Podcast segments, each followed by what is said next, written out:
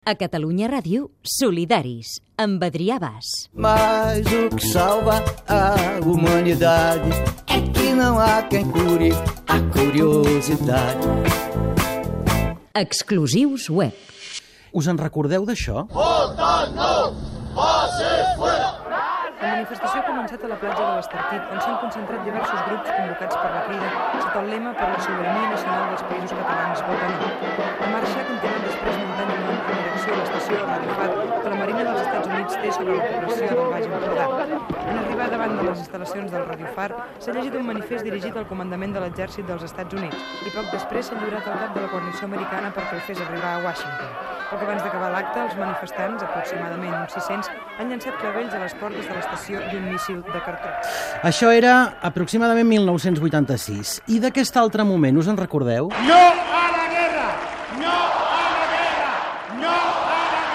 Aquest altre és 2003, el no a la guerra, les manifestacions a tot l'estat espanyol. 17 anys entre l'una i l'altra. Les mobilitzacions ciutadanes a l'estat espanyol i especialment a Catalunya per no formar part de les guerres en les que l'OTAN i els Estats Units han estat implicats els de les darreres dècades, sobretot després de la Guerra Freda, han estat nombroses i formen part de l'imaginari de molta gent. Molts hi van participar. con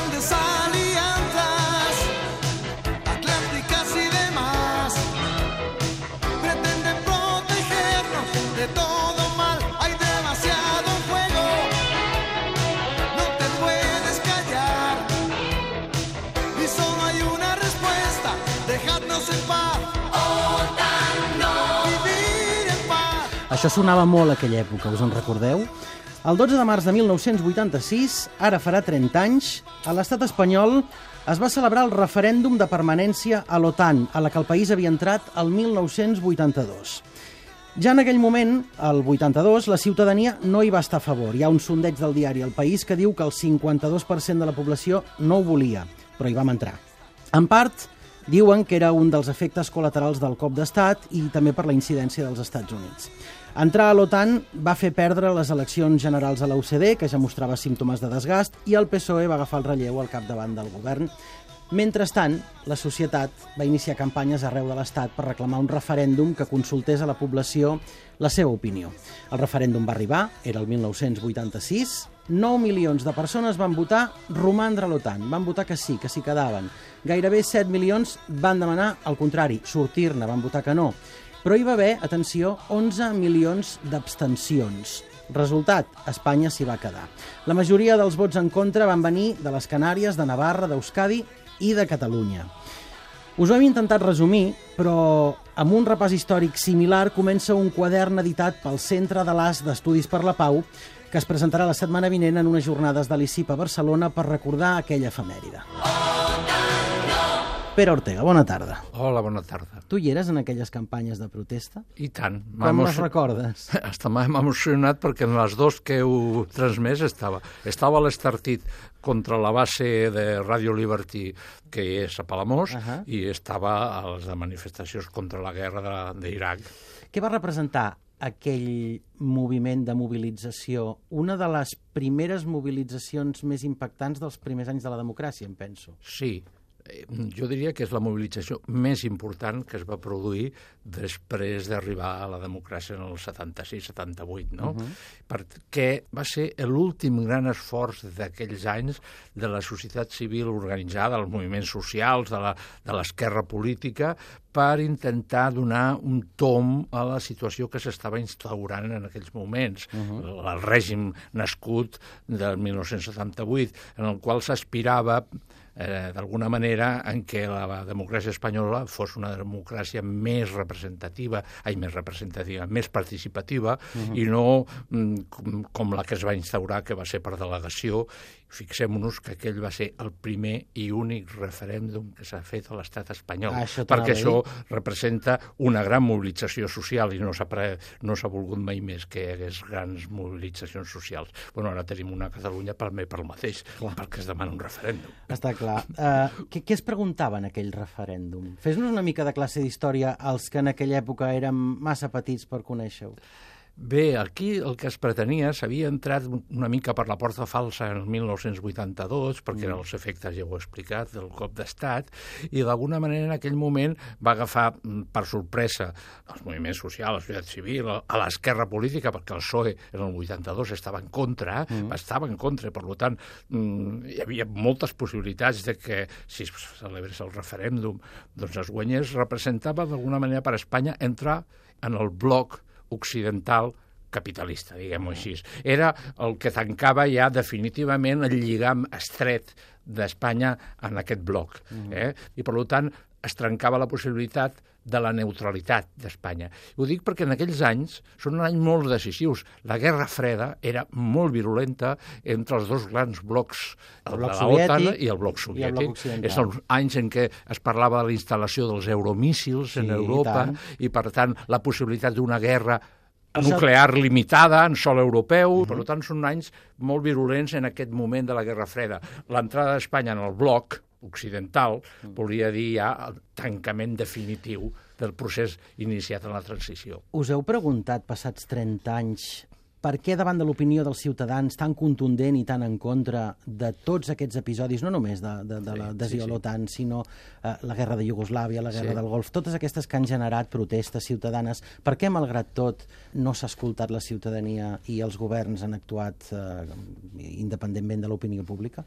Bé, això, eh, en realitat, el, els governs sempre actuen el Sí, ells suposadament pel bé de la seguretat Sí, eh, nacional. ells està parlen clar, de, clar. de, de, dels interessos d'estat, de raons d'estat, sobretot sí. la raó d'estat. I Mhm. la raó d'estat en aquests casos és el lligam estret entre el nostre estat, que és amb tots els respectes, subsidiari de les potències, en aquest cas de la potència principal que és dels Estats Units, que és el nostre líder, diguem, eh, i per tant eh, estem subjugats, no obeir, però anar al darrere, anar a la contra seria anar en contra d'interessos geoestratègics i geopolítics molt importants i per tant podria tenir conseqüències, no ens enganyem, en la política, en l'economia i per tant ells, malgrat hi hagi molta mobilització social, sempre estaran al costat d'aquests blocs. Però, és clar tampoc podem ser ingenus i se suposa que ens hem de defensar i que, a més a més, hem de defensar el món de les amenaces. Quin paper li correspon al moviment antimilitarista i al moviment per la pau davant de, ara, Bueno, una és- commemoració com aquest 30 aniversari?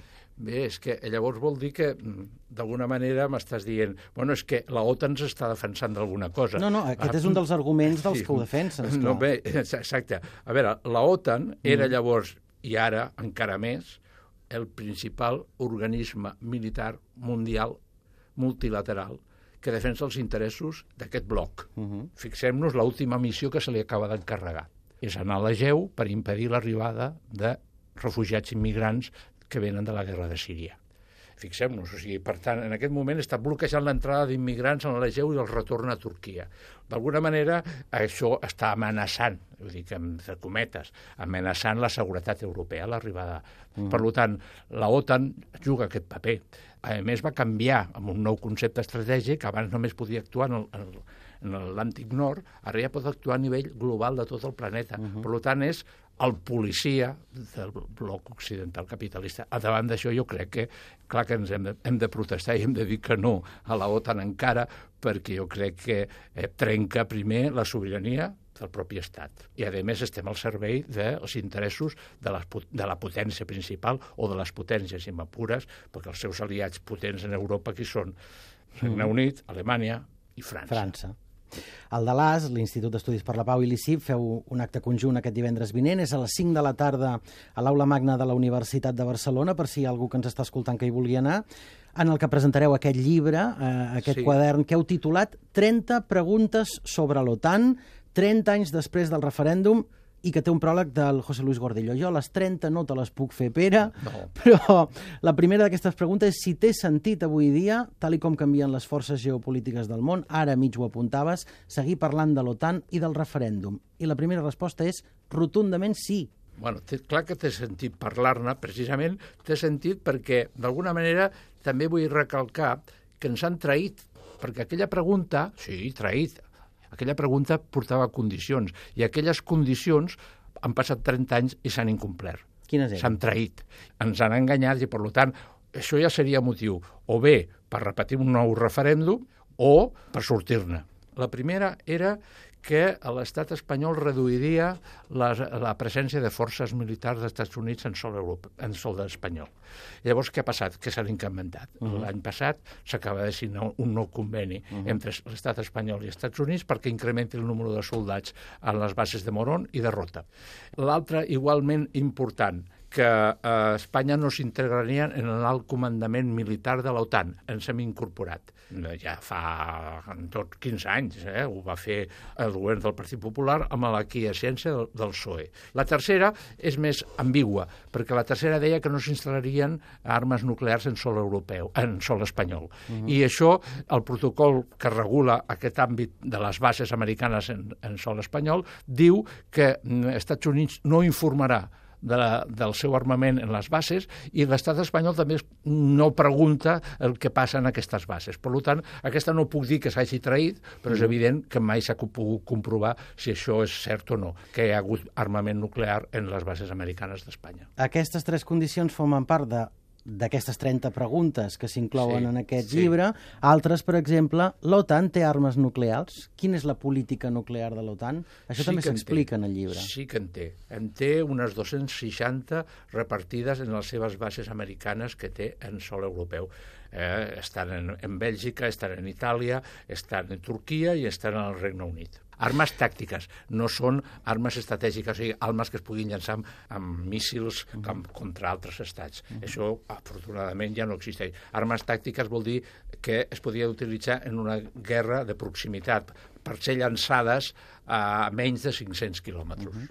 Quins són els costos econòmics i socials i els guanys de formar-ne part? Bueno, els costos els sé. Mm. Els, els guanys socials crec que, crec que cap, però els costos sí. Els costos, evidentment, l'entrada d'Espanya en l'OTAN va representar un increment fortíssim la despesa militar de l'estat espanyol perquè teníem que acoplar les nostres forces armades precisament a la dels socis dintre de l'Aliança Atlàntica. Uh -huh. I, per tant, això què volia dir? Adquirir material.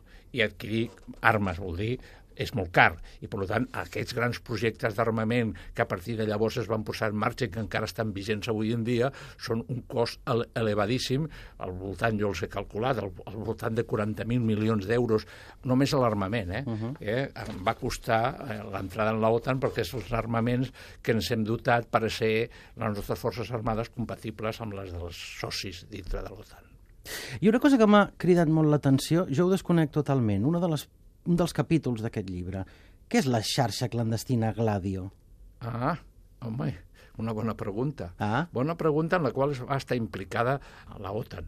Això està demostrat. El Parlament Europeu va obrir una investigació i ho ha demostrat. Eh? Uh -huh. No és una invenció. La xarxa Gladio és una xarxa que es va clandestina, secreta, en la qual participaven eh, la OTAN i alguns eh, governs de la Unió Europea, en la qual, i agències secretes de l'Estat, diguem, les CIES de cada un dels estats, i en la qual va estar implicada l'extrema dreta i el que estaven era preparant l'impediment de l'arribada als governs dels partits comunistes. Això es, posava, es va posar molt en pràctica en Itàlia. Sembla que m'estiguis anys- parlant d'una pel·lícula d'espies, eh? no, no, recordeu la mort d'Aldo Moro, secretari de, de, de, de la democràcia cristiana. Ell havia arribat a un pacte amb, amb Enrico Berlinguer per a fer un govern eh, de centre-esquerra Partit Comunista Italià i Democràcia Cristiana, i què li va passar? El van segrestar i el van assassinar.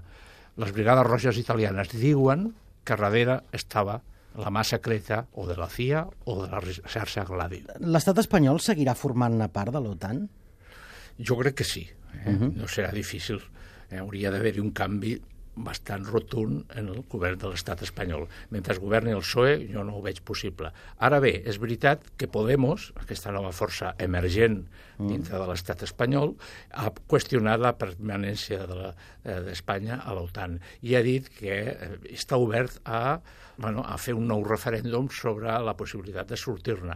Això, mm, la veritat és que caldria verificar-ho. Precisament en aquest acte de la setmana que- ve hem convidat a Julio Rodríguez, ex-alt car... Bueno, Excap de l'Estat Major de la Defensa. Exacte. Això són I- paraules, paraules No, mayores, no, que i diuen. candidat a diputat per Podemos. I possible, eh, precisament el van presentar com a possible ministre, Ministre de de Defensa. Defensa. O sigui, serà una bona pregunta que li faré directament el, el, el, el dia 11 amb ell, perquè valdria la pena saber que clarifiqui Podemos. Ja sabem que Podemos eh, que fa qüestions molt ambigües sobre alguns aspectes i vés a saber si retirarà Mm. I parlant de proposta. referèndums més, sí. ja que, ja que el tens a mà, fes-li també aquesta pregunta. Si mai Catalunya s'independitzés, què ha de fer? Ha d'entrar o no ha d'entrar a l'OTAN? Bueno, això és una pregunta que ens hem de fer nosaltres mateixos, Ara. no, no, no, no a Julio Rodríguez ni a Podemos, ens l'ha de fer nosaltres mateixos, perquè això comportaria, evidentment, tenir exèrcit. Sense exèrcit no es pot entrar, però això seria entrar en un altre debat. Jo crec Gràcies, que Pere. Aquestes i altres preguntes en aquest quadern editat per l'ICIP en conjunt amb el Centre de l'AS, que és en format digital, és a dir, que a partir de la setmana que ve qui el vulgui el podrà trobar a la xarxa, A oi? trobar a la xarxa en el, en el nostre web del Centre de l'AS, en castellà i en català a la web de l'ICIP. Molt bé. Pere Ortega, moltes gràcies. A vosaltres. Una abraçada. A Facebook, a Twitter i a catradio.cat, solidaris, amb Adrià Bas.